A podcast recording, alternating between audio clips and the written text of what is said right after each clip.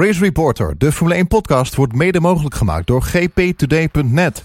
Welkom bij Race Reporter, de Formule 1 podcast. Met een nabeschouwing op de gisteren verreden Grand Prix van België op het circuit Spa-Francorchamps. In een tamme race pakte Max Verstappen zijn zesde op een volgende podium achter de oppermachtige Mercedes'en. Hamilton evenaart Schumachers record van 9 podia op Spa. Verstappen evenaart zijn eigen record van 6 op één volgende podia. Valtteri Bottas evenaart Mika Hakkinen met 51 podia. En we blijven even in de podiumsfeer. Bottas, Hamilton en Verstappen stonden voor de tiende keer op het podium gezamenlijk. Daarmee zijn ze het op vierde na meest voorkomende trio op het podium in de geschiedenis van de Formule 1. De 23 punten die Renault scoorde is het hoogste aantal van het Franse team ooit in één race. Race Reporter, de Formule 1 podcast. Ik ben Lucas Degen en ik zit hier in onze eigen podcaststudio vanuit Haarlem met het vaste team. Uh, voor onze vaste nieuwe luisteraars bedoel ik natuurlijk. Heren, steun nog even voor. Charles, met jou te beginnen. Ik uh, ben Charlie Alving. Standaard uh, introotje mag niet meer. Rijmen doe ik ook niet meer. Nee. Um, maar goed, podcaster, marketeer. En een beetje verdrietig dat ik niet uh, zelf op Spa-Francorchamps was dit weekend. Maar goed, verder gaan we gewoon even een leuke opname doen. Je had een mooi rijtje. Van wanneer ja, nou ja. Hoe lang je al geweest bent. Er zijn mensen die gaan echt elk jaar heen en dat al 30 jaar. Maar, uh, maar wanneer was jouw eerste ook weer? Dat weet ik niet uit mijn hoofd. Maar vanaf 2013 ben ik wel ja. non-stop geweest. Dus, uh... Ja, nou en ik ben Jeroen Demmendaal. En uh, ik ben in 1995 voor de eerste keer geweest. En daarna in 1999 nog een keer. En toen daarna niet meer. Wel zo oud? ja, ik ben al zo oud. Ik ben een oude vent, joh. zo ziet het er niet uit, als ik het zo zie. Ja, hij wel. ik wel, ja.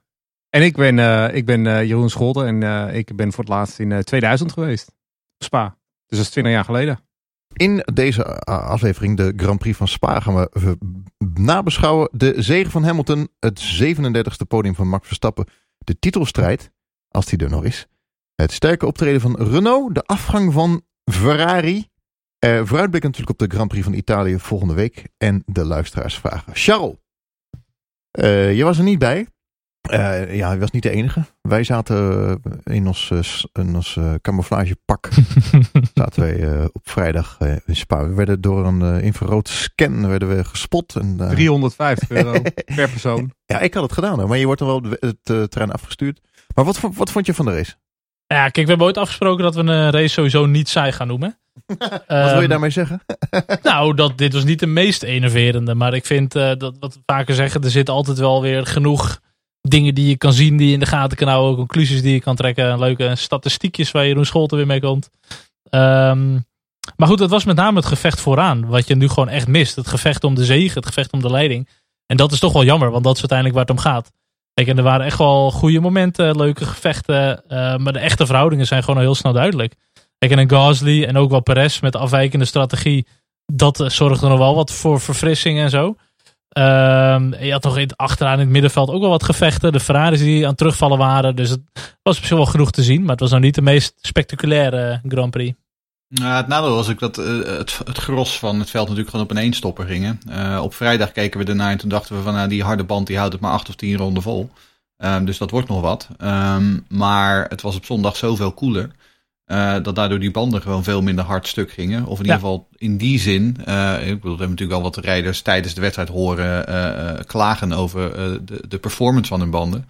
Maar het was niet zo serieus, bijvoorbeeld zoals we in Silverstone zagen, dat iedereen massaal extra stops moest gaan doen. Nee. Um, en ja, en als iedereen op één en één stopper zit, ja, dan valt ook qua de tactiek weinig te variëren. En dan wordt het al gauw een optocht. Ja, en dan ook dus nog allemaal tegelijk vanwege de safety car. Dus ze zitten ook nog allemaal in hetzelfde window qua banden managen en zo. Dus dan zijn er gewoon relatief weinig verschillen. Um, maar goed, ik denk ja, Hamilton heeft volgens mij zelden zo weinig zendtijd gehad. Nou, het gebeurt dat wel vaker als hij vooraan wegrijdt. Maar goed, ja, dan denk ik ook wel zo Hamilton hier dan echt van genieten. Hij roept uh, wel dat het spannender moet en zo. Ja, um, tuurlijk, hij, hij rijdt ze achter elkaar aan één. Maar is dit voor hem nou, zou het nee. zoveel voldoening geven? Nou, ik, ik, denk als je hem echt, als je hem laat kiezen tussen winnen met een prachtige inhaalactie in de laatste ronde. Of laten winnen op deze manier. Dan zou hij wel kiezen voor dat gevecht. Maar uh, in principe vindt hij het fantastisch zoals het nu loopt. Laten we nou eerlijk wezen. Hij wil gewoon al die records van Schumacher hebben. Hij wil acht wereldtitels hebben en minder 91 zegens. Ja. En da daar gaat hij gewoon voor. En uh, of hij daarvoor iemand moet inhalen of alleen pole position hoeft te pakken en weg hoeft te rijden bij de start. Hij vindt het prima allemaal. Het gaat, ook gewoon, het gaat hem ook gewoon lukken natuurlijk. Want Tuurlijk. ik bedoel, van Bottas heeft hij verder weinig eh, tegenstand te verwachten. Eh, vond ik eh, een van de meest treffende momenten van die hele wedstrijd. Dat ze tegen eh, Bottas zeiden over de radio... Oké, kom op eh, Bottas, everything you got. En vervolgens zag je dat Hamilton verder uitliep. Toen dacht ik, ja, nee, dit is het dus. Dit is dus Mercedes en, en hè, de huidige eh, Formule 1 in de notendop. Ja. Eh, want Bottas kan het gewoon niet. Nou ja, je hoopt, je hoopt die eerste bocht, hè. Of eh, dat eerste stuk die, door, de, door Rouge heen, dat lange rechte stuk op Kimmel Straight. Daar hoop je dat Bottas het kan doen. Maar ja, Ja. eh, Hamilton had het kleine momentje. Hij lift iets te veel en er is alweer een gat. Ja. Ja, of, dat, is, of, dat is Bottas. of dat Max had dat kunnen doen. Maar goed, die raakt een beetje in de clinch met Ricciardo. Dus die verliest dan ook net even dat momentum met Mercedes. Ehm, maar goed, het zegt wel weer genoeg ook over de hedendaagse Formule 1. Het is uiteindelijk gewoon managen, je strategie volgen. En het is gewoon alles onder controle houden. Je banden, de temperaturen, de motor, de brandstof. Ehm, het is in, dat opzicht ben je bijna eerder een Formule 1 manager dan een coureur op dit moment. En natuurlijk, die auto's zijn nog nooit zo hard gegaan. Die dingen hebben gigantisch veel downforce. Dus het is ook echt niet makkelijk. Maar het is, ja, wat we vaak wel zeggen, je wil gewoon het gras en grind hebben. Auto's die sneller lijken te gaan. En dat mis je toch een beetje, denk ik. Nou ja, gras en grind hebben we natuurlijk geen tekort aan op, eh, op Spa. Maar ik bedoel, als je ziet, ik denk dat wat jij zegt, hoe, hoe hoog de snelheden ook wel in de bochten liggen. Als je ziet hoe hard ze tegenwoordig door Poelhon heen gaan, die, die dubbele Ja. linker, linker. Zo. Wel met 300 plus kilometer per uur. Dat is echt waanzinnig. Maar ze hoeven in principe gewoon eigenlijk niet te liften, want ze kunnen gewoon blijven sturen. Ja, en daardoor, weet je, als je, als je zulke hoge bochtensnelheden hebt, dan wordt het natuurlijk ook gewoon eh, moeilijker om, eh, om, om in te halen. Ehm, plus, nou, dan heb je dus het feit dat die banden niet zo heel erg eh, slijten. Je hebt het feit dat het gewoon moeilijk is om, op de, op de, om, om dicht op de voorligger te rijden. We moeten hopen dat vanaf 2022, als die nieuwe reglementen er komen, dat dan ehm, in ieder geval, die, in ieder geval die, ehm, die mechanische grip meer, meer een rol gaat spelen. Maar tot die tijd zie ik het nog niet zo heel erg veranderen. En toch zijn er altijd weer coureurs die dan toch in zo'n race er wel weer eventjes bovenuit springen. En dat was in dit geval, vond ik wel Gasly al. Ja, ja Eh, terecht sowieso die- driver of the day. ja, wel, echt. Dat vond ik echt een hele... Kijk, Ricciardo kan je natuurlijk wat voor zeggen. Was ook een driver of the day natuurlijk. Maar Gasly vond ik echt eh, prachtig in actie natuurlijk. Op Perez en Rouge. Eh, ja, ballen getoond, lef getoond. Hij deed ook echt, denk ik, voor zijn vriend Hubert. Hij wilde ook heel graag hier scoren. We hebben natuurlijk allemaal de beelden gezien dat hij bij die vangrail eh, bloemetjes legt en alles. En, en geëmotioneerd was. was ook een heel mooie eerbetoon, vond ik vooraf trouwens aan de wedstrijd met zijn beeldenis zo. Ja. Ehm, maar je ziet toch altijd wel weer eh, hoe lastig zo'n race ook is. Er zijn er altijd wel weer die er dan wel weer bovenuit komen steken. Ja, ik denk ook overigens wel dat eh, Gasly vooral de driver of the day kreeg, omdat het eh, het weekend van Hubert was. Ehm, ik moet zeggen, eh, puur naar de performance op de baan gekeken. Ja, mooie inhaalmanoeuvre, maar ik bedoel, uiteindelijk wordt hij gewoon zevende of achtste. Weet je, ik vind, je had hem met een Ricciardo kunnen geven. Maar het was nu Had iets, meer klaargemaakt, een iets meer klaargemaakte zaak, juist door de Hubert-context. Ja, en omdat hij natuurlijk ook wel door het veld heen sneed. En Ricciardo die heeft gewoon op P4 gereden. Eh, en die was iets minder in de spotlight, denk ik. Already echt Ja. een gigantisch sterke wedstrijd hoor. Maar ja, maar de- Ricciardo die, eh, die reed natuurlijk de eh, snelste ronde in de allerlaatste Ja. ronde. Maar dan kan er al niet meer gestemd worden eigenlijk. Nee. Dus dan, dan is het al klaar. Nee, maar goed, over Hubert gesproken.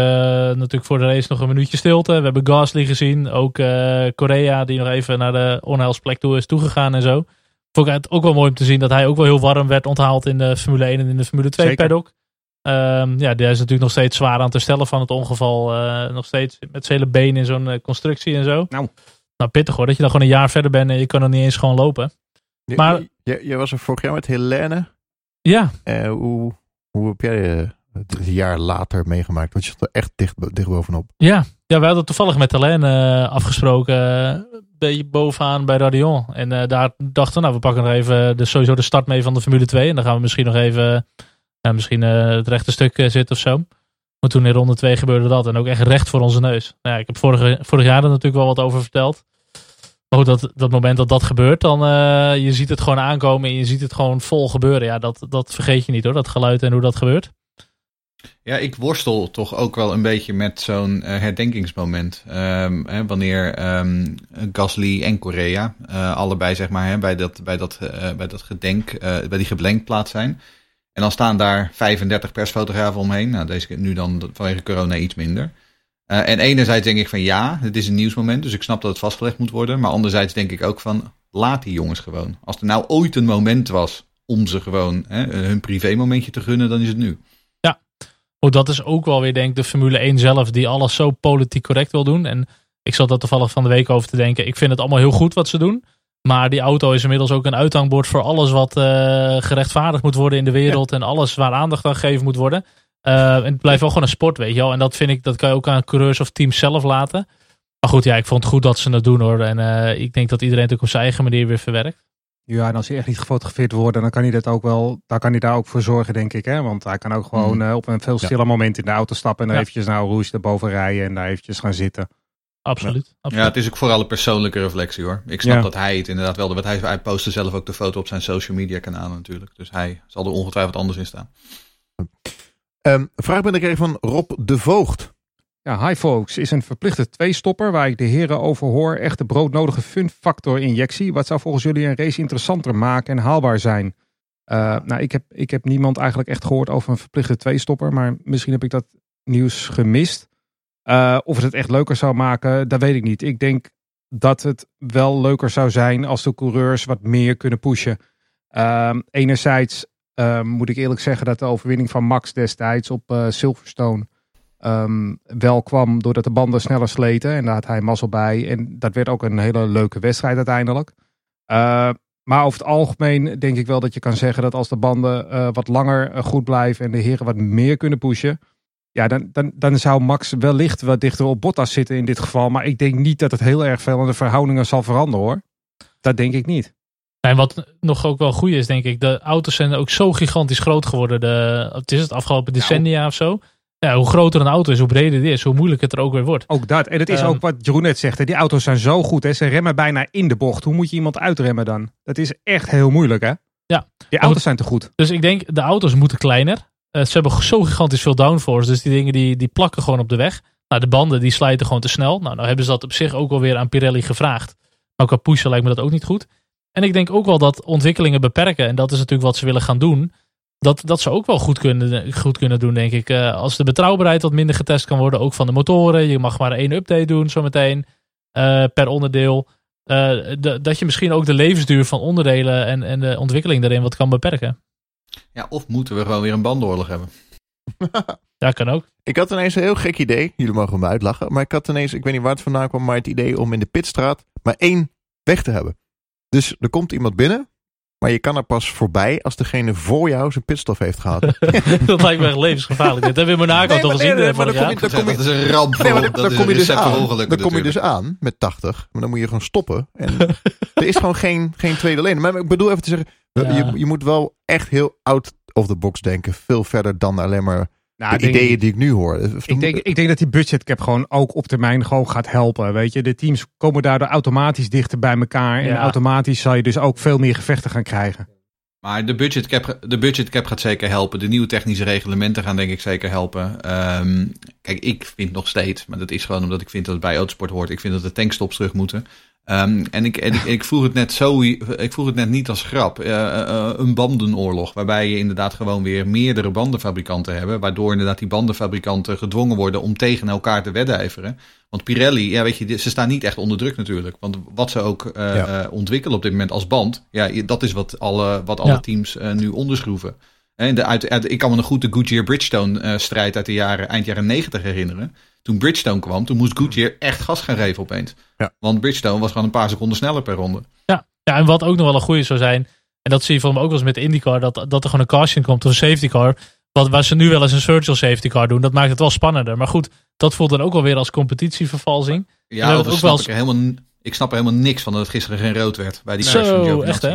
Ik snap er echt nee. helemaal niks van. Nee. Maar goed, en een mogelijke optie is een balance of performance. Maar dat vind ik ook niet bij de Formule 1 passen in dat maar, opzicht. Maar kijk eens naar andere autosporten. De Formule 1 die doet maar... van, die, van die spelelementen nee, door de fan input. Dat is net nee, uh, dat moet je niet doen. Maar, maar ik bedoel DTM, waarom zit dat allemaal wel dicht op elkaar? Waarom nee, maar je kan bijvoorbeeld wel, uh, de, de MotoGP die heeft die concession points. Dus teams die achterlopen, fabrikanten die achterlopen. Die krijgen meer ruimte om te updaten en die krijgen meer mogelijkheden om ja, te testen. Testuren, en ja. als je op een gegeven moment gaat winnen, zoals dan uh, KTM nu recent heeft gedaan, dan raak je concession points kwijt en dan ja. mag je dus steeds minder weer gaan. En dat heeft Suzuki en KTM al dicht bij de top gebracht. Dus daar werkt het heel goed. Een, een dergelijk systeem, het is geen balance of performance, maar een dergelijk systeem, dat zou wel kunnen werken. Maar het komt er ook aan, hè? Een soort van. Onder de, nieuwe, onder de nieuwe reglementen, als je vooraan meedoet, krijg je Min, minder winterrond. Winterrond, ja. ja. Um, dus weet ja. je, in ieder geval, de gedachten gaan alvast die kant op. En dat is denk ik goed. En als het dan werkt, ja, weet ik veel. Misschien dat ze dan wel met strafgewichten gaan werken. Of wat jij zegt inderdaad, dat ze met, met testdagen en zo. Um, maar daar, ik denk dat daar uiteindelijk de oplossing ligt. We gaan kijken naar uh, het weekend van Max. Ik had in mijn voorspelling voorspeld dat Max zou winnen als het zou regenen. Nou, er viel geen druppel in uh, Spa. Um, Max verveelde zich. Gisteravond wel. Ja, na ja. de race. Perfect. ja, heerlijk. ja, Max verveelde zich. Hij moest uh, 36 van de 44 ronden banden sparen. Ja, nou ja, dat is een beetje wat, wat Charles eerder al zei. Er zijn de rijders in de Formule 1 verworden tot bandenmanagers. Ja, uh, in dit geval was dat voor Max zeker het, geva uh, het geval. Het punt is natuurlijk ook, in die eerste ronde, ja, dat was het moment waarop hij probeerde om uh, uh, omhoog bij Eau Rouge en dan richting Camel Straight om dan Bottas te pakken. Vervolgens denk ik dat hij een beetje klem zat, want vervolgens bij het volgende camera shot zag hij inderdaad dat hij vooral bezig was met Ricciardo achter zich en niet meer met Bottas voor zich.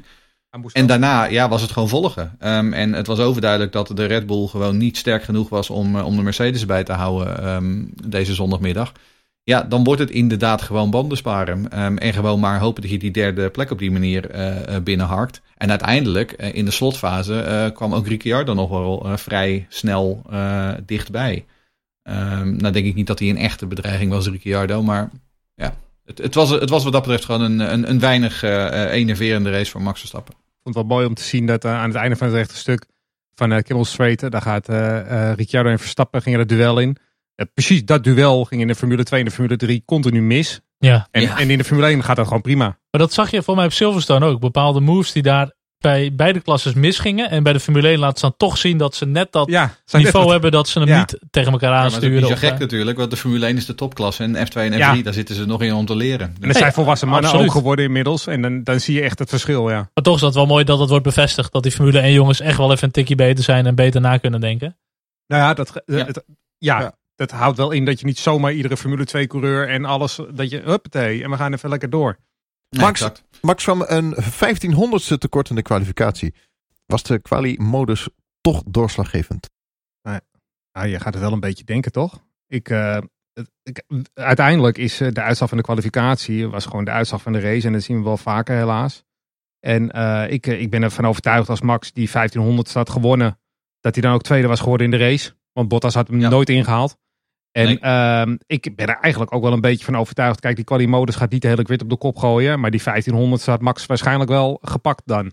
Misschien, maar goed, dan heb je het over de Maar. Had Max, als hij tweede had gestart, wel zelfs Hamilton nog eh, kunnen aanvallen uh, na, Ja, dat naar jongens, zeg maar, Ja, die ja. Ehm, Ja, al, al wil ik wel even een lans breken voor eh Den Lewis. Want Lewis was wel echt Tuurlijk. gewoon heel, Lans- heel, heel Stroll of... eh, dit weekend.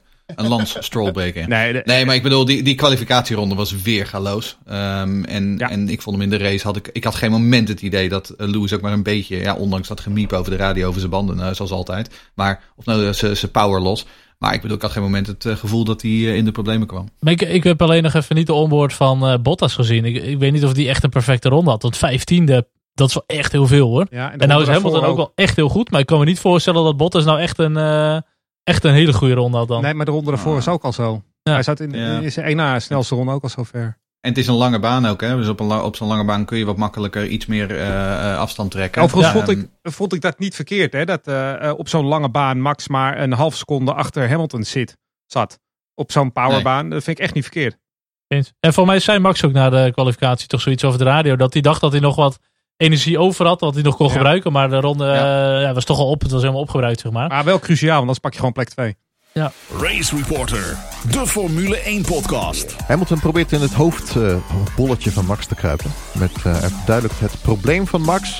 Ja, het probleem is Albon. Formule1podcast.nl Ja, ik, ik, ik, snapte de, ik snapte de bandenstrategie van Albon niet zo goed. Eh, want om heel eerlijk te zijn, ehm, hij werd als enige op de mediums gezet. En ik was er daarom van, echt van overtuigd dat hij voor een tweestopper ging. En vervolgens, naarmate de race vorderde, dacht ik van nee, hij gaat hem echt uitrijden op die, op die, eh, op die mediums. En dat deed hij uiteindelijk ook. Maar uiteindelijk was de race daardoor ook net een paar ronden te lang. Want hij, kwam, hij kreeg uiteindelijk alsnog Ocon eh, langs zij. Ehm, ik weet niet of het op, die, of die op, de, op de hard beter had gegaan. Want die, hè, die banden hebben natuurlijk ook minder performance. Maar ehm, ja, onderliggend het probleem, en dat hebben we hier ook al inmiddels al 300 keer eh, besproken. ehm, Albon geeft gewoon te veel toe ten opzichte van Verstappen. Ja, ik wou Albon eh, met eh, wat meer met Ocon aan de stok. Bij de Ja, start voorbij ja, en de hele race al een Hmm. beetje ervoor. En dan toch op het einde nog worden ingehaald. ja, je mist gewoon nog steeds Albon. En hij komt er ook gewoon niet aan. En ook al staat Ricciardo uiteindelijk best wel dicht bij Verstappen. Ik vind nog Albon dat uh, minimaal één Renault wel moeten kunnen, kunnen voor zich houden. Ja, Hamilton heeft wel een beetje gelijk. Hamilton heeft daar wel een beetje ja, gelijk absoluut. in dat ze dat gewoon missen. En, ja, hij uh, luistert naar onze podcast ook schijnt. Hè? Dat, dat denk ik, ja, dat, ons, terecht. Maar die Helmut Marco die heeft daar dan weer op gereageerd door te zeggen... nee, we staan volledig achter Albon en dat is niet waar en die is wel snel. En, ja, maar, maar dat is dan de enige die achter Albon staat, want de meeste staan voor hem hoor. Sorry. Nou, ik, ik, het punt is ook, weet je, die kwalificatie. In de kwalificatie was hij eigenlijk best aardig. En toen dacht ik van, nou ja, nu sta je er best redelijk bij. Dan moet je nu zorgen ja, ja. dat je dan dus gewoon een goede start maakt. En dan meteen, voorbij, eh, meteen voorbij Ricciardo en dan volgen. Maar goed, wel op de softs in Q2. Dat, uh, hadden ze hem dan misschien toch op de mediums tuurlijk. moeten doen. Maar ja, dan is, weet je het ook weer niet. Maar dan haalt hij het niet. Dat is te veel risico nemen. Weet je, zorg dan maar dat je hem eerst gewoon eerst maar eens in Q3 krijgt. En daarna maar verder kijken. Ja. Maar dat is het ook weer. Dan bij die start dan laat hij zich weer net een beetje piepelen. En dan zit hij weer net weer een beetje. Uh, uh, dan komt hij er weer net niet voorbij, die Renaults. Het is het allemaal net niet. Ja. En dat is jammer. Gaan we kijken naar de titelstrijd. Ferrari zakt weg. Nou goed, die waren al eigenlijk al weggezakt. uh, Renault komt opzetten. Dat was interessant. Hamilton heeft 157 punten. Verstappen 110. Bottas 107. Um, ja, Ferrari. Uh, het is echt om te janken. Ik hoorde iemand zeggen: het is maar goed dat ze, dat ze in Monza geen publiek hebben. Nou, sowieso. En het is ook wel grappig, want in Mugello mag dus wel publiek komen. Maar dan moet je dus 3000 tifosi uh, vinden. die op dit moment willen betalen om Ferrari te zien. Dus dat wordt nog best wel lastig. maar uh, nou ja, goed, die wereldtitelstrijd uh, bij de coureurs is hier er niet echt. De, alleen corona kan nog uitkomst bieden, zeg maar. Als Hamilton, net als Perez, twee wedstrijden moet missen. Dan ja. zou het nog kunnen. En Verstappen en Bottas. En, Ja, die allemaal niet. Die moeten ja. allemaal gezond blijven dan. Oh. maar voor de rest, ja, voor de rest in het middenveld is het gewoon heel erg spannend met 48. Vooral Born, Leclerc en Norris die staan allemaal op de 40 punten. Maar ja, goed, ik vind het eigenlijk nooit zo heel erg interessant wie de derde, vierde, vijfde wordt eigenlijk. Het gaat om één plek, dat is de, dat is de, maar het kan nog wel. wie de kampioen wordt. Het kan nog wel. Maar ja, de Mercedes zijn nog gewoon te goed. Het kan wel, nee, het ben kan niet. het ik... kan niet. Jan Lammers die zei dat hij niet nee. verbaasd zou zijn als Verstappen nog wereldkampioen wordt. Nou, ik wel.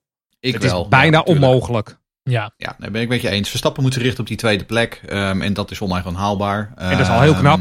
Dat vind ik nu al knap, knap dat hij dat voor elkaar krijgt. Ik ben niet met je eens over dat, uh, maar dat is puur persoonlijk wat er, hè, dat wat er lager gebeurt, dat dat niet interessant is. Want ik bedoel, iedereen hè, is zijn eigen verhaal aan het schrijven. En, eens. en, en zit, ja. in, zit in verschillende contexten en in verschillende fases. Ik vind het heel interessant wat er in dat middenveld gebeurt. Ik wil echt weten of McLaren daadwerkelijk zich nu naar een derde plek kan werken. Want daar leek het aan het begin van het seizoen wel op. Um, ik moet zeggen dat ze nu wel een beetje aan het terugglijden uh, zijn. Um, hè, wat natuurlijk ook niet geholpen door het feit dat Sainz gewoon uh, met zijn kapotte uitlaat gewoon niet eens kon starten aan de wedstrijd. Dus dat, dat was wel een beetje lullig, ja. Maar, um, nou ja, um, het, ik, ik, vind, ik vind dat op zich, die strijd vind ik heel interessant. Maar vooraan, nee, Hamilton gaat gewoon kampioen Ja, bij worden. de teams bedoel jij dan meer. Ja, bij de teams ja. vind ik dat wel interessant. Ja. ja. maar bij de coureurs of Albon of Leclerc nou... Uh, ik vind toch wel Max, uh, minder uit. Max die in de eerste race een uh, DNF had en nu gewoon zes podia op rij pakt. En dan alsnog tweede staat. Ja, ik vind dat wel zwaar respect. Dus dat vergelijkt ja, met een Grosjean die nu 21 hoe staat. Kan Max, hoe kan Max geen podium pakken dan? Nee, maar goed, hij doet het wel. En hij staat wel voor Bottas. En die heeft gewoon verreweg de beste auto op de grid. Nee, dat ben ik met je eens. Ja, ik vind dat knapper, dat hij voor Bottas staat ja, en absoluut. op het podium staat. Absoluut. Verder kijken dan in het middenveld. Gevecht in het middenveld. Renault ijzersterk. P4 en 5. En de snelste ronde, uh, ronde 23 punten. Ja, dit is echt top. Kijk, 1000 pk. 1000 pk. 1000 pk. Nee, kijk, normaal staan wij, en dan sowieso ik, altijd vooraan als we Abiteboel weer even keer tot de, tot de grond af aan kunnen affikken gewoon. Dat ze gewoon te veel geld besteden, te weinig resultaten boeken. Dat hij weer als een slappe stokbrood naar Frankrijk toe moet. Ook als ze achter McLaren finishen, et cetera. Misschien zelfs nog een beetje oud zeer. Uit 2017, eh, met dat Max natuurlijk regelmatig uitviel met een uh, kapotte motor. Maar ik vind het ook wel weer mooi om te zien dat ze ja. zo'n weekend gewoon echt heel erg goed doen. En uh, Ricciardo vind ik gewoon een hele leuke gast. Ocon is gewoon een goede coureur. Gewoon een goede coureur. Um, maar ze zaten dit weekend echt bovenop. hoe, noemde, hoe werd hij genoemd tegenwoordig? French fuck geloof ik. Ja, French fuck, ja. Ja, uh, dat ja. zijn niet mijn woorden hoor. Het... Ook niet de mijne. Nee. Um, maar goed, ze zaten er gewoon echt bovenop. En Ricciardo had gewoon echt een goede start. Die kon zelfs Max nog even een beetje voorbij uh, gaan lopen stoeien met Max. Uh, op de, wel op de zachtere band overigens hoor. Um, maar goed, uiteindelijk, ja, het gat uh, wat Max trok naar de Renaults, dat was natuurlijk wel vrij pittig. Maar ze bleven echt wel uh, lekker vechten. Ocon ook uh, voorbij aan Albon. Um, en zelfs op het eind, dat is helemaal bizar. Ze hebben gewoon zo'n solide race gehad. En toen op het eind, jongen, Ricciardo die ging van 15 seconden naar nou, minder dan 4 seconden van Max gewoon in een paar rondes. Met alsnog de snelste raceronde. Ja, die race had echt niet veel langer moeten duren. Dan eh, had Ricciardo misschien nog even kunnen aanvallen. Nou, dat betwijfel ik. want Ja, ik Max, ook hoor. eh, Maar moet een beetje was- spanning erin brengen. Max was niet heel erg hard aan het doorrijden vooraan. Maar Ja. ik snap wel wat je bedoelt. Dat is gewoon een hele goede race. ja, en Albon had dan wel geluk met de safety car. Dat eh, eh, Renault moest natuurlijk ook echt dubbel sterk pitstop doen. Eh Ocon die moest daardoor echt wat langer wachten. Dus toen kon Albon er wel weer langskomen.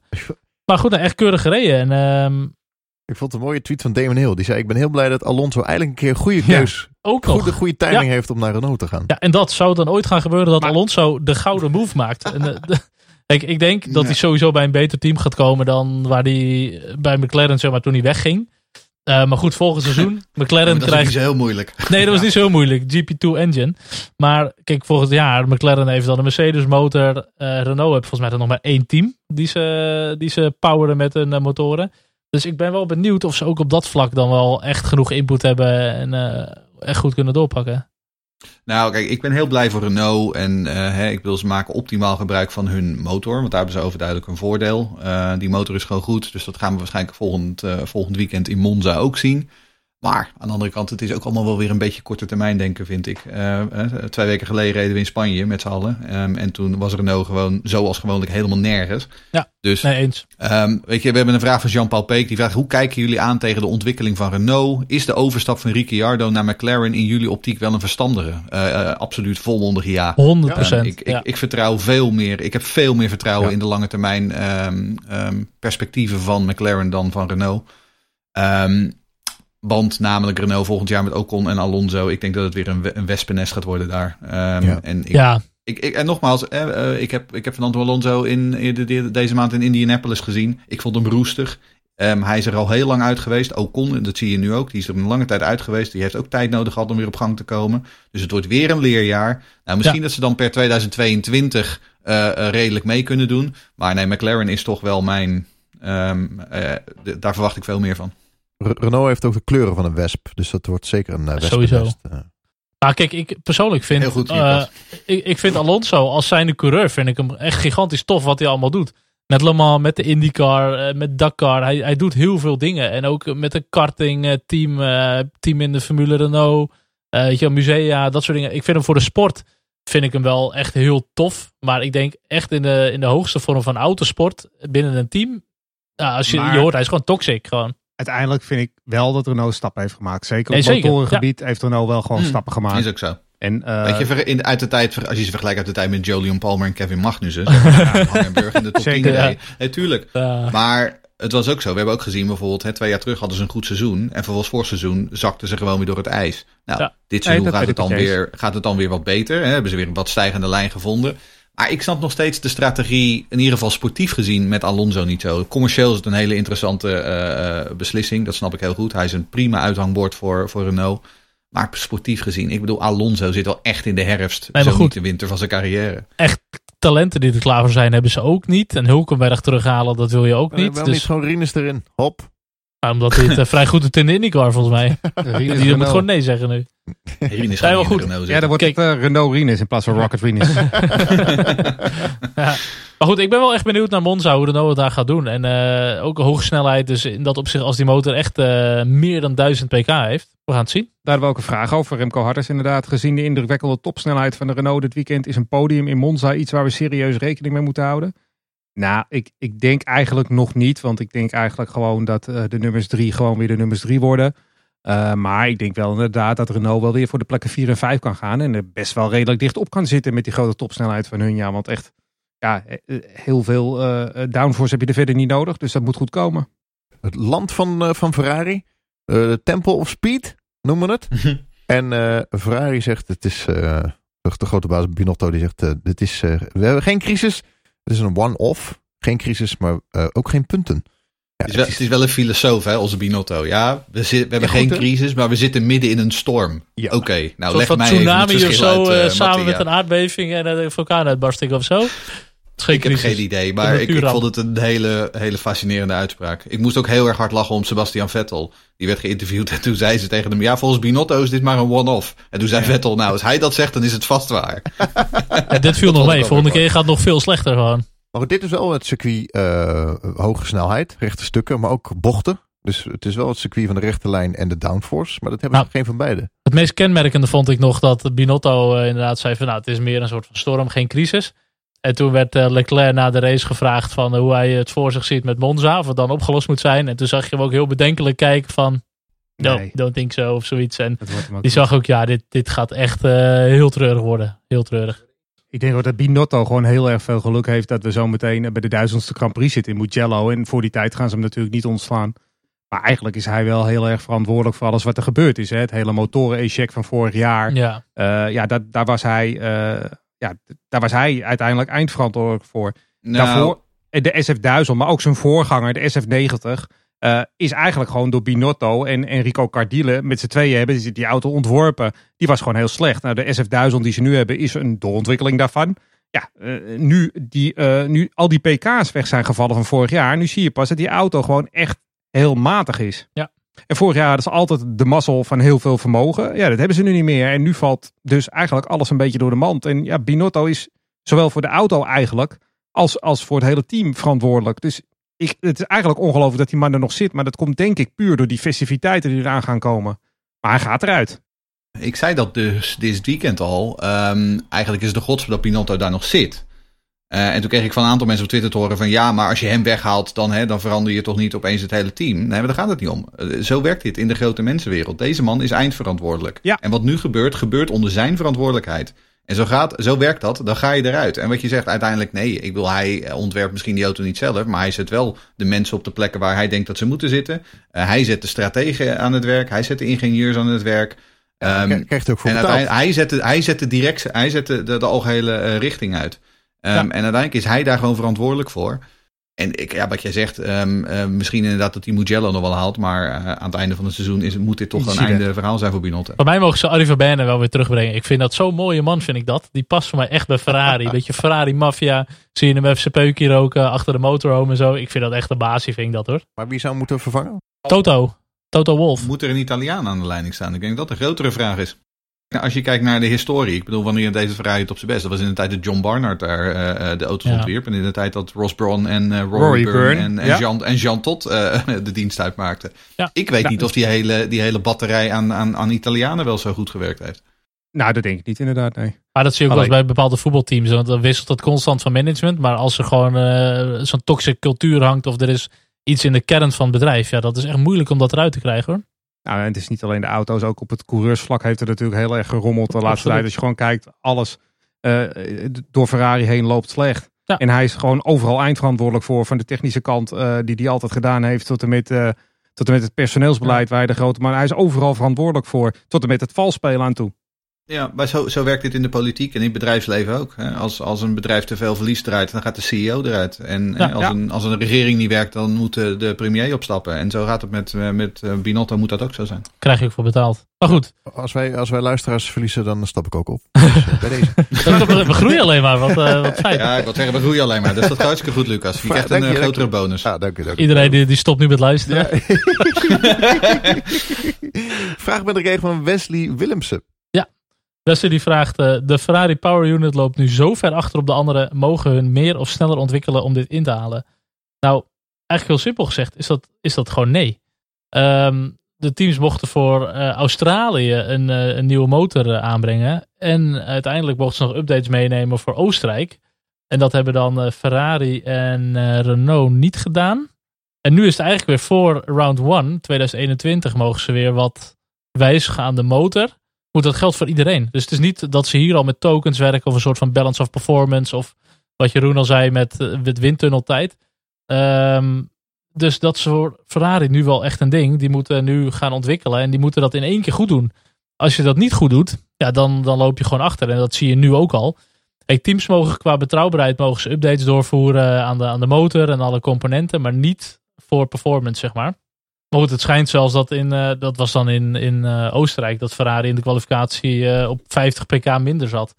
Nou ja, dat is, dat is best wel een flink gat. Ik denk niet dat het nu zoveel is, maar dat zal ook niet heel veel schelen, denk ik. En wat ik dan wel Nee, mooi vind.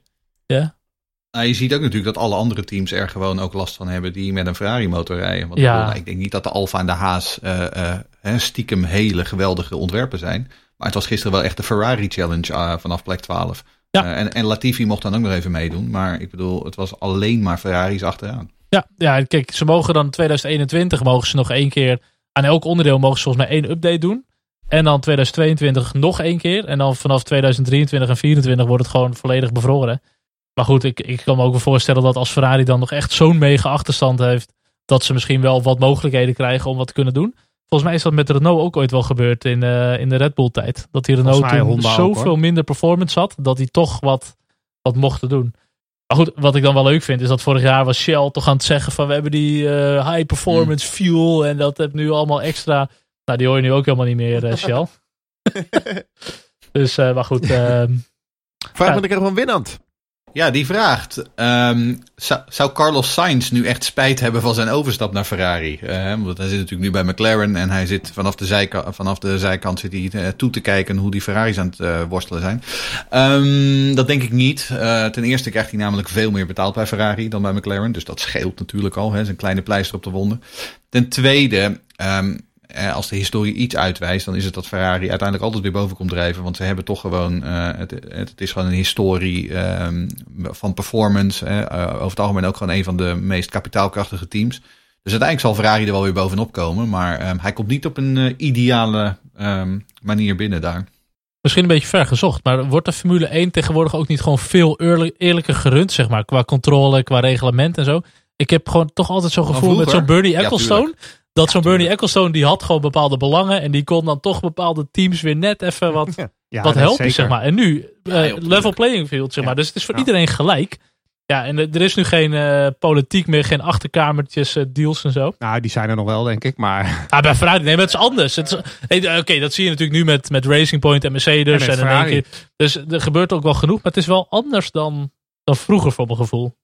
Nou Ja, goed, het het is is, wel zo dat Bernie inderdaad wel eh, teams kon helpen soms, ja. Dus En die dat had gaat Ferrari Liberty niet nu wel nodig, een beetje, zo'n Bernie. Ja, dat gaat Liberty niet doen. Char- Charlie Whiting heeft dat toen nog een keer gedaan toen eh, Onyx in eh Estoril op het podium kwam met Stefan Johansson. Hè. Dat ding was eigenlijk gewoon te licht. En toen, terwijl ze hem aan het wegen waren, stond Charlie Whiting even met zijn voet op de weegschaal. dus dat is een verhaal dat Stefan Johansson jaren later Ja, eh, verteld heeft. En op die Ja. manier hi- hielden ze hun derde plek en hun podiumplek. Geweldig. Ja. In de, is dat in de Crap, eh, Crap Team Special besproken? Zeker. Eh, dat weet Als- ik niet. Ik weet Nee, niet of ik daarvoor of daarna pas las. Maar Ja. ehm, ik Ja, hoorde het in een podcast met Stefan Johansson. Dat is Ja, een mooi verhaal. Deel 4 aankomen. Ehm, Ibo Duursma. Ja, ik vraag nog van Ibo. Ja. Nog een laatste vraag over Ferrari.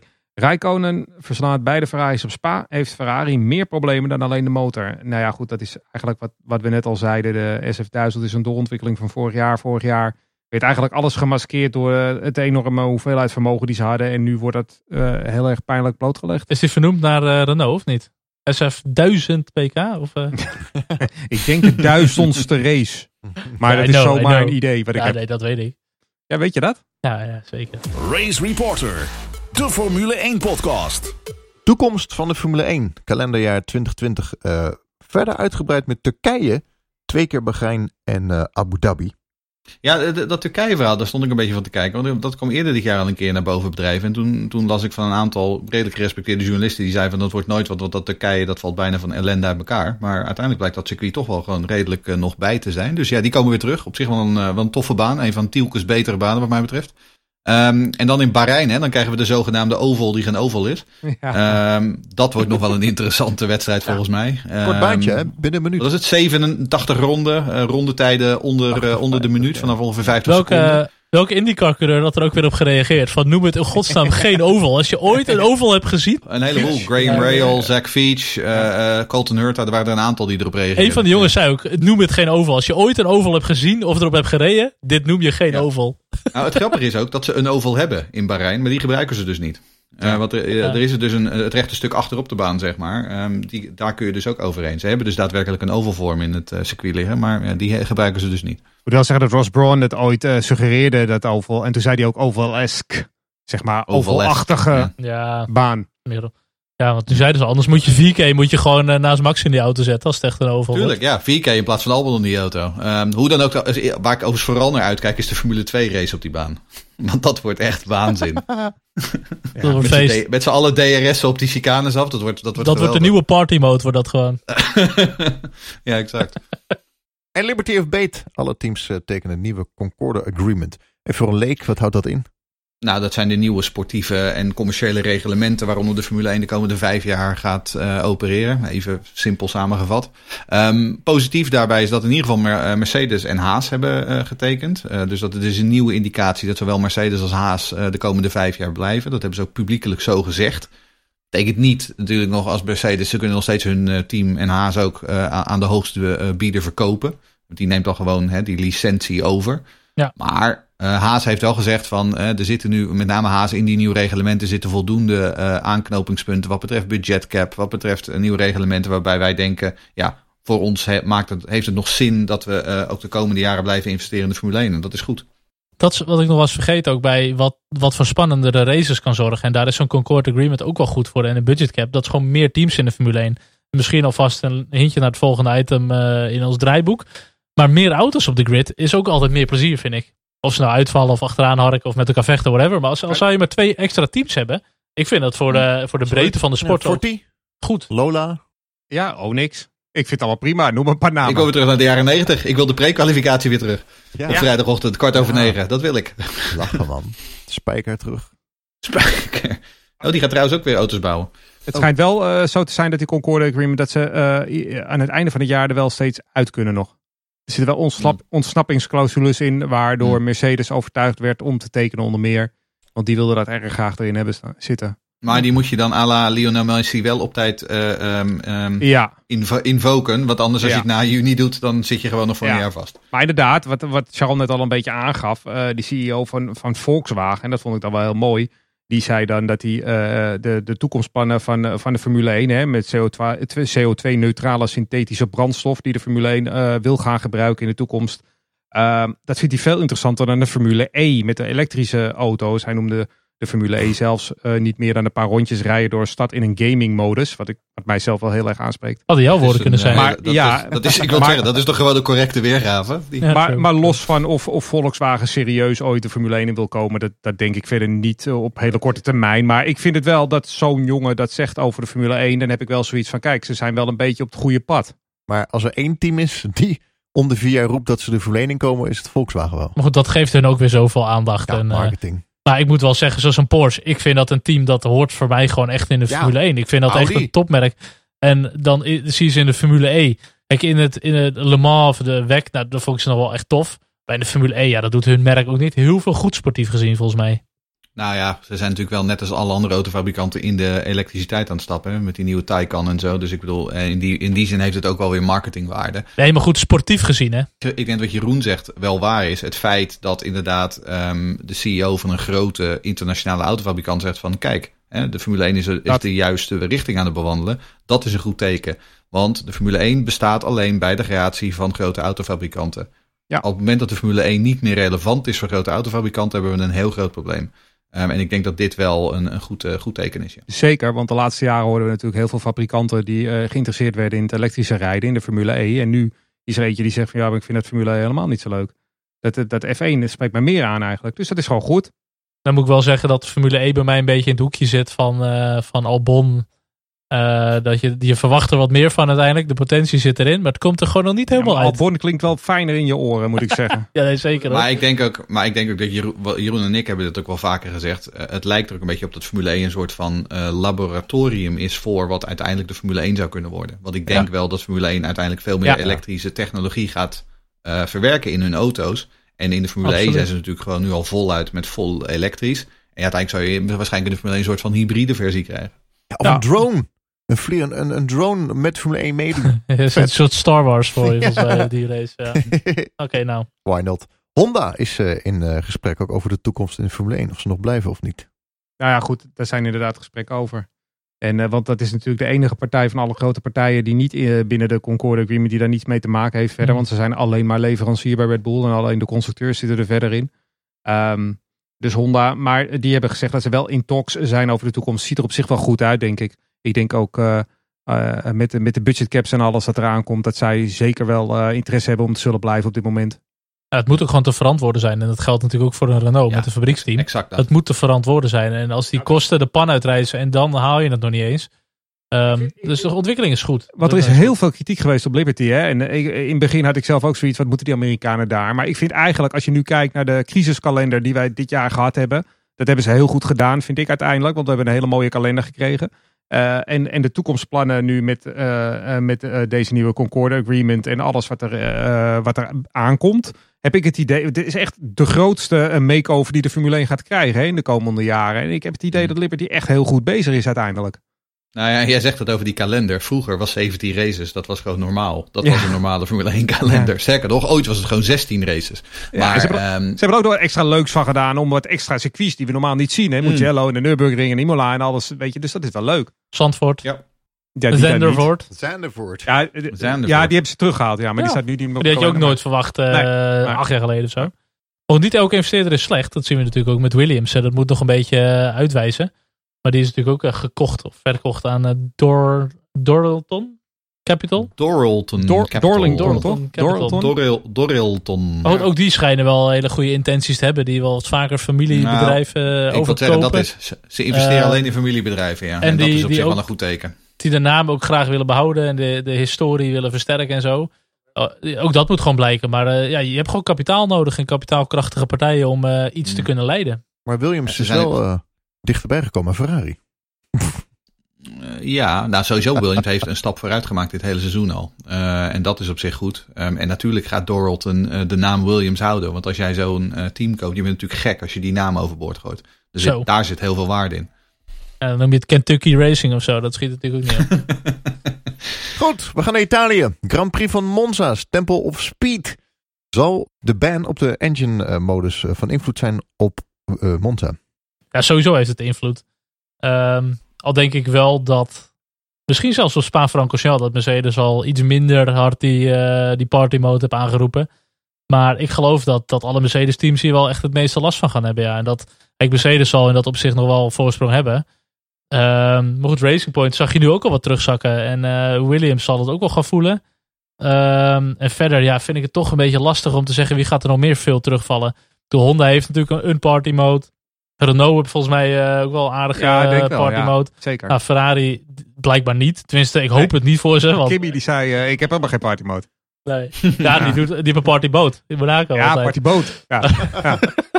maar goed, um, ja, ik, ik, ik, denk dat uh, je gaat er wel iets aan merken, maar ik denk dat de verhoudingen nou niet ineens helemaal nee, omgegooid maar, worden. Nee, het heeft natuurlijk, wat Toto Wolf die gaat nu, die heeft nu een beetje verhaal te vertellen. Ja, dat hebben helemaal geen invloed op ons, want dan gaan we weer wat sneller in de race. Maar dat is natuurlijk ook weer een beetje gelul.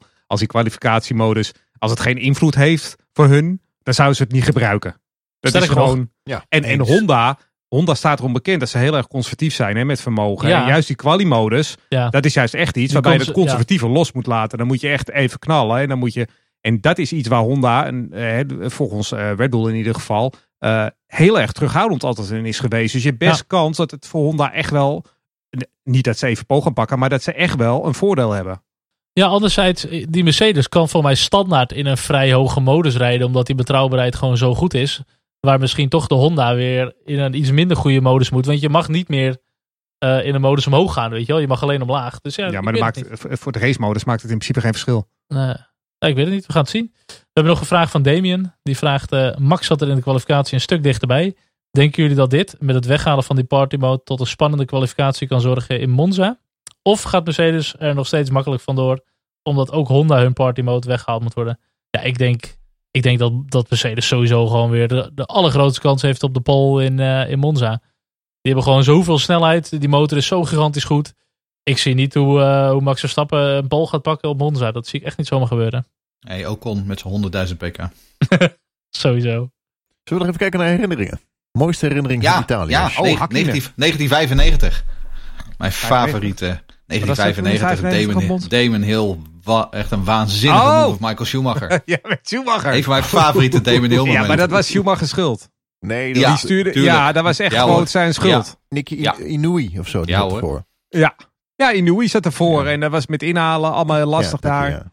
En uh, ja, Schumacher had er ook gewoon niet moeten rijden. Nee, en heel die zag weer een gat dat er die was. Ja, toen gingen ze met z'n tweede grindbak in. Geweldig. En toen kon Johnny Herbert weer een wedstrijd winnen. Net als in Silverstone uh, eerder. Nee, ik, uh, ik moest ja. denken aan Hakkien altijd met die traantjes. Ja. Ik heb ja, voor de rest heb ik, niet zoveel met, ik heb niet zoveel met Monza. Maar ik vind die, uh, die Hakkien traantjes. En, en ik vind, moet zeggen, die oude kombaan die er ligt met al dat roest en al dat... Dat onkruid wat er altijd is. mooie dat promo shots. Mooi. Als die helikopter daar zo overheen Ja, dat vind ik zo mooi. Weet je waarom, uh, weet je waarom Hakkinen daar spinde? Eh, eh, Ja, eh, mis, iets vast, volgens misfire mij in of zo. eh, zijn Ja. gearbox, toch? Ja, hij schakelde per per Ja. ongeluk verkeerd Ja. terug of zo naar zijn Ik, ik, ik eh, kan me altijd nog herinneren die eh, geweldige backflip van die eh, twee Minardis eh, in klopt. 1993. Op Christian, ja. eh, Christian Fittipaldi die bij ja, Pierluigi. Martini achterop Ja. reed. Dat was een eh spectaculaire... eh, ja, Monza was eigenlijk een beetje mijn eh, ontgroening, ontmaagding eh, van de Formule 1. We waren in de zomer toen eh, op vakantie in Italië. En eh, ik zat als klein jongetje eh, op de, de kaart te kijken. En ik zie ineens Monza. Dus, Was eh, 2016 dan? zeker, ja. Ja, In ja. twee- 2000. En ik, ah, Monza, Formule 1, Formule 1. Nou, mijn vader, ah, oké, we rijden wel even langs, weet je wel. Nou, toen hoorde je de, de auto's al rijden in de vette. Toen waren ze, volgens mij was dat was mid-season testing of zo, werd dat Oh, gedaan. joh. Dus wij eh, de volgende dag er weer heen. Kaartje gekocht voor, eh, wat is het, eh, omgerekend, eh, drie gulden of zo. En uiteindelijk zelfs nog in de pitstraat gekomen met Alonso op de foto. Geen idee wie het toen was hoor. Ik moest toen thuis zoeken wie het was, weet je wel. Maar eh, dat was echt wel heel vet hoor. Op mijn, Ja, op de, bij mijn vader op zijn nek. En dan kon je er over die schermpjes heen kijken bij, bij Cool. Jaguar en bij, eh, bij al die teams. Echt super vet. Het jaar dat eh, Jordan. Montoya die snelste ronde neerzette op Monza. Oh ja. Dat ja. ging hard zeg. Ja. Ja, Met- dat ging hard. Ja. Zeven versnellingen, geloof ik nog. Maar je mooiste herinnering? ja, dat vond ik wel mijn mooiste herinnering aan Monza zelf. En ik ben in 2016 nog een keer geweest. eh, ik vind het een mooi circuit, mooie omgeving. en vooral die tifosi die dan aan het einde van de race allemaal klaar gaat staan. Eh, achter de hoofdtribune, zodat ze allemaal het circuit op kunnen. En Ja. dan met dat podium, dat is echt... Dat vond ik wel echt een mooi om te zien hoor. Eerste Grand Prix ook na 9-11. Waarbij eh, iedereen Ja. met van die eh, rode zwarte neuzen en zwarte motorkappen reed. Ja, Dat kan ik punt. me nog goed herinneren. Ik heb En eh, in 88 met, eh, toen was Enzo net overleden. Toen reden ze op Monza. En toen Mm. was de enige race dat eh, eh, McLaren niet won. Omdat eh, die invaller, Schlesser, die eh, reed op Senna Ja. in. En eh, daardoor won eh, Gerhard Berger in een Ferrari. Dat was iets van een week of anderhalve week na Enzo's dood. Dat was ook wel heel mooi. Ja. Ik Ja. weet nog, Coulthard, die spinde in de op, op, opwarmronde. Spinde die eraf met zijn Williams. Mm, Dat was op Estoril volgens mij. En Monza ook. Oh, Monza heeft hij het in Monza ook gedaan. Nou, ik, ik kan me Estoril nog herinneren, maar ja. Eh, Vettel in een Toro Rosso in de regen, die won. Ja, ja, ja. Dat vond ik Ja, fantastisch. ja, ja, ja, ja. Die Dat vond ik ook wel heel tof, ja. overwinning. En, Ja. en die, die strijd tussen eh, Michael Schumacher en de Mercedes en Lewis Hamilton in een McLaren, dat eh, Schumacher gewoon sneller was. Eh, Lewis kwam er niet voorbij. Maar wel een heel gevaarlijk gevecht. En de laatste vond ik toch Kimi Räikkönen die hem had kunnen winnen, maar toen Vettel voorbij moest laten gaan. Volgens mij was dat hem. Best wel mooie races wel, gehad eh, hoor. oké race geweest. Ja. Eh, Als je kijkt naar de statistieken is Max altijd heel slecht daar. Maar qua snelheid is hij nooit zo slecht geweest. Hij heeft altijd natuurlijk, heel, natuurlijk een aantal keren eh, hè, met Bottas een keertje een incident gehad. Met Massa een keer een incident gehad. Hij heeft natuurlijk een paar keer een motorwissel gehad. Waardoor hij van achteren moest komen. Maar eh, zijn rondetijden zijn altijd best goed geweest. Het is heel erg vertekend zijn statistiek op Monza. Hij is helemaal niet zo slecht. Voorspelling! Ik eh, zat er flink naast. Ik eh, sta niet meer op één. Je had gewoon puur op regen gegokt, of niet? Puur op regen gegokt. Ik had er weer drie goed. Ja. Dat is vorige keer. Wat voorspel jij Oh. deze keer? Italië, Monza. Ja, ik, het eh, is ook niet zo moeilijk om te ik hou gewoon vast aan degene die ik de vorige keer had. En eh, dat is nog steeds Hamilton, Bottas, Verstappen. En Gasly op eh, P10. Die moet gewoon een keer P10 gaan pakken, die jongens van mij. Ik ga ook voor Hamilton eh, en Bottas. eh, want die Mercedes die gaan dat gewoon eh, doen. Ehm, ik denk dat Max de derde plek wel haalt. Ehm, en ik denk dat Lando Norris tiende wordt. Nou, ik ga dan eh, gewoon eh, Hamilton ook als eerste doen. Eh, maar ik doe toch Verstappen als tweede en eh, Bottas als derde. en dan doe ik eh, Ocon. eh, nee, niet Ocon. Nee, nee, ik, ik die is doe- beter dan dat, hè? Die is beter dan Die is P10. be- ik Fiat. Fiat gaat eh, een puntje pakken. Eh, je moet wat, hè? Om nu mij in te kunnen halen. Gewoon, ja, ja, maar die tiende plek levert één punt op. Nee, hadden we die niet op 10 gezet? Deze is 10. Oh, ik vind het spannend. P10 is 10 punten, hè? ja, maar is dat tien punten op Ja, P10? zeker. Daniel wilde hem zelfs nog 100 punten doen. Maar dat En ik ging, heb, eh, ik heb tien punten op Fiat nu gezet.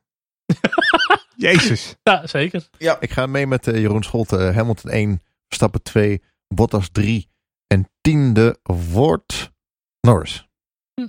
Ja, en eigenlijk voor de volgende week, dan, dan ben ik er niet.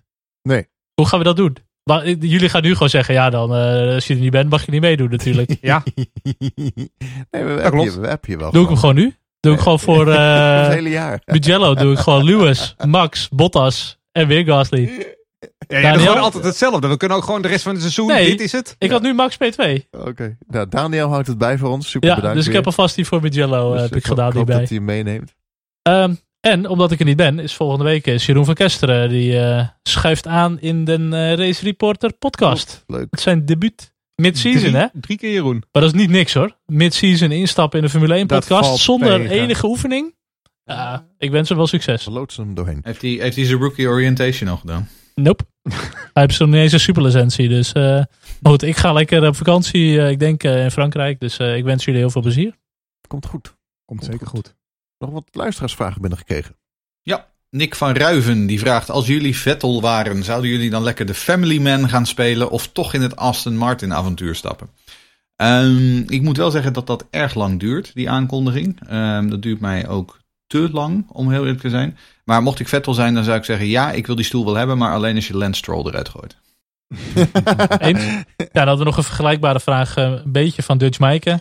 Wat zien jullie liever gebeuren? Vettel die bij Aston Martin tekent.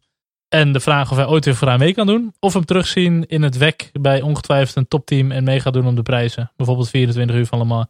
Ja, ik zelf vind, ik heb er nog niet eens echt zo over nagedacht. Maar het lijkt mij wel tof om Vettel dan nog eh, in de 24 uur van Le Mans te zien. Dat hij toch laat zien wat hij verder nog in huis heeft. Ook wel meer druk van de ketel, wel lekker rijden. En dat is vaak met dat soort raceklassen. Dus je kan relatief veel rijden. Je hebt relatief weinig media dingetjes, alles eromheen en zo.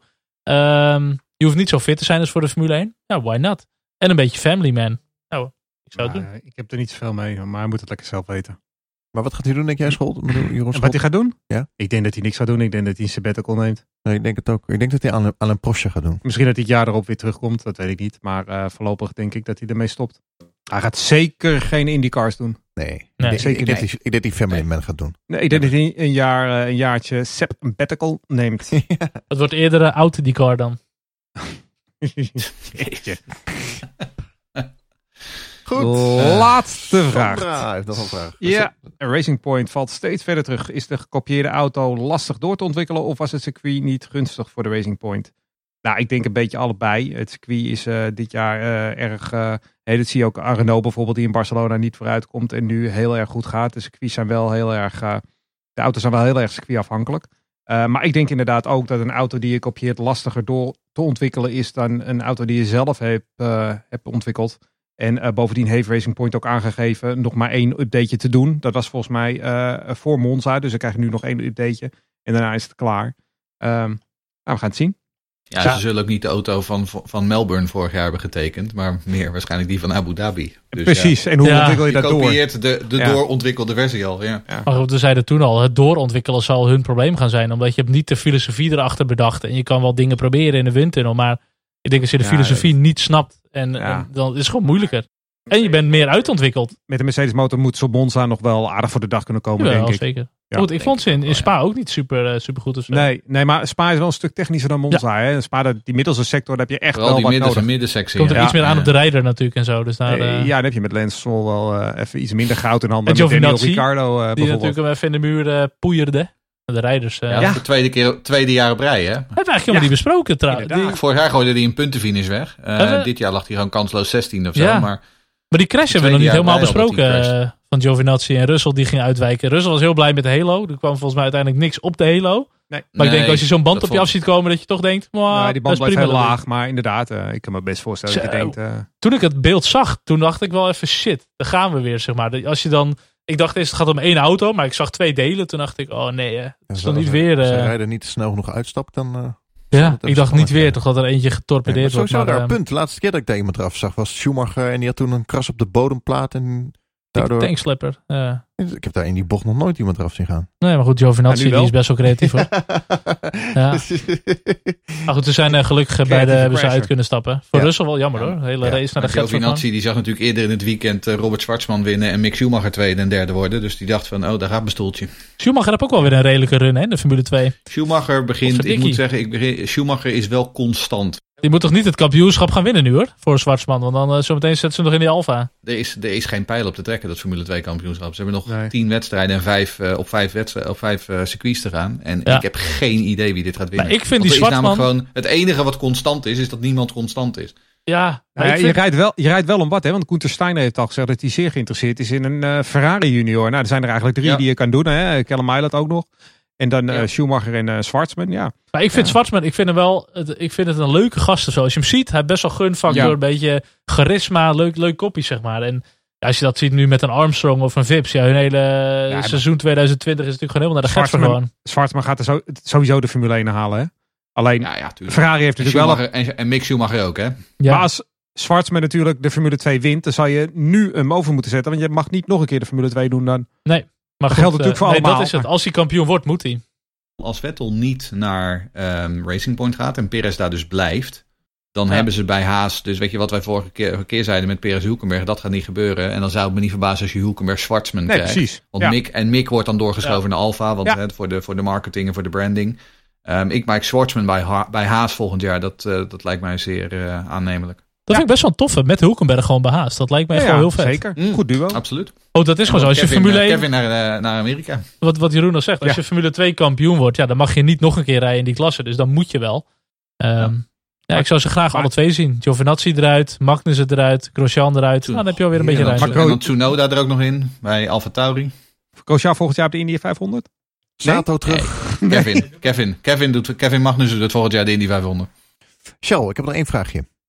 Ehm, er gaan geruchten dat jij ehm, naar Italië gaat om daar te praten over of wij met z'n met z'n vieren het Ferrari-team kunnen gaan runnen.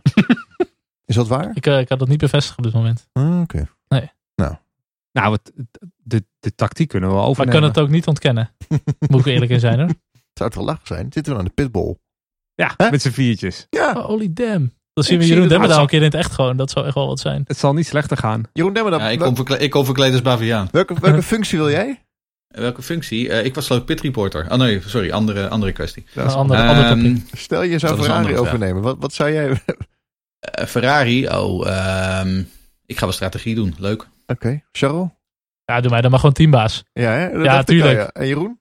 Eh, nee, ik, eh, nou, ik ga wel rijden gewoon. Groot aandeelhouder. Oh, je gaat rijden. Ja. Oké, nou gaan we doen. Race Reporter. De Formule 1 podcast. Race Reporter, de Formule 1 podcast, wordt mede mogelijk gemaakt in samenwerking met gptoday.net en een aantal donateurs, aantal leden. Joost Landzaat, bedankt. Rowdy Rabouw, Remco Zoon, Eddy, Chris, Niels, Karin, Rick, Debets, Frank Thewe, Maarten Evertse en Mark Niesthoven. Super bedankt voor jullie eh, donatie en fijn dat jullie lid zijn. Ook een aantal eenmalige donaties binnengekregen van Joris Groeneveld, Martijn Gijsbergs, Bob van Valkenhoef, René, Erwin F1 Collector, Patrick, Tim Laarman en Arjen Arendsen. Dan hebben we ook nog een aantal super donaties binnengekregen. Mega super bedankt Daan Legrand, Harry de Groot en onlangs Annelies Bier. Super bedankt voor jullie donaties allemaal. Heel erg fijn. Hiermee kunnen we weer verder groeien met onze podcast. Wil je ook doneren? Support ons. Ga naar f1podcast.nl slash support. Dat is f1podcast.nl slash support. Kan via Petje Af en via Patreon. Goed, heren, mag ik jullie weer bedanken. Gracias. Jawel. Toch weer een uur gevuld, hè? Ja, ondanks knap. die saaie Grand Prix. Knap hoor. Gezellig. Goed hè? Nou, ik ben op vakantie toe. Dag. Dag. Dag. Dag.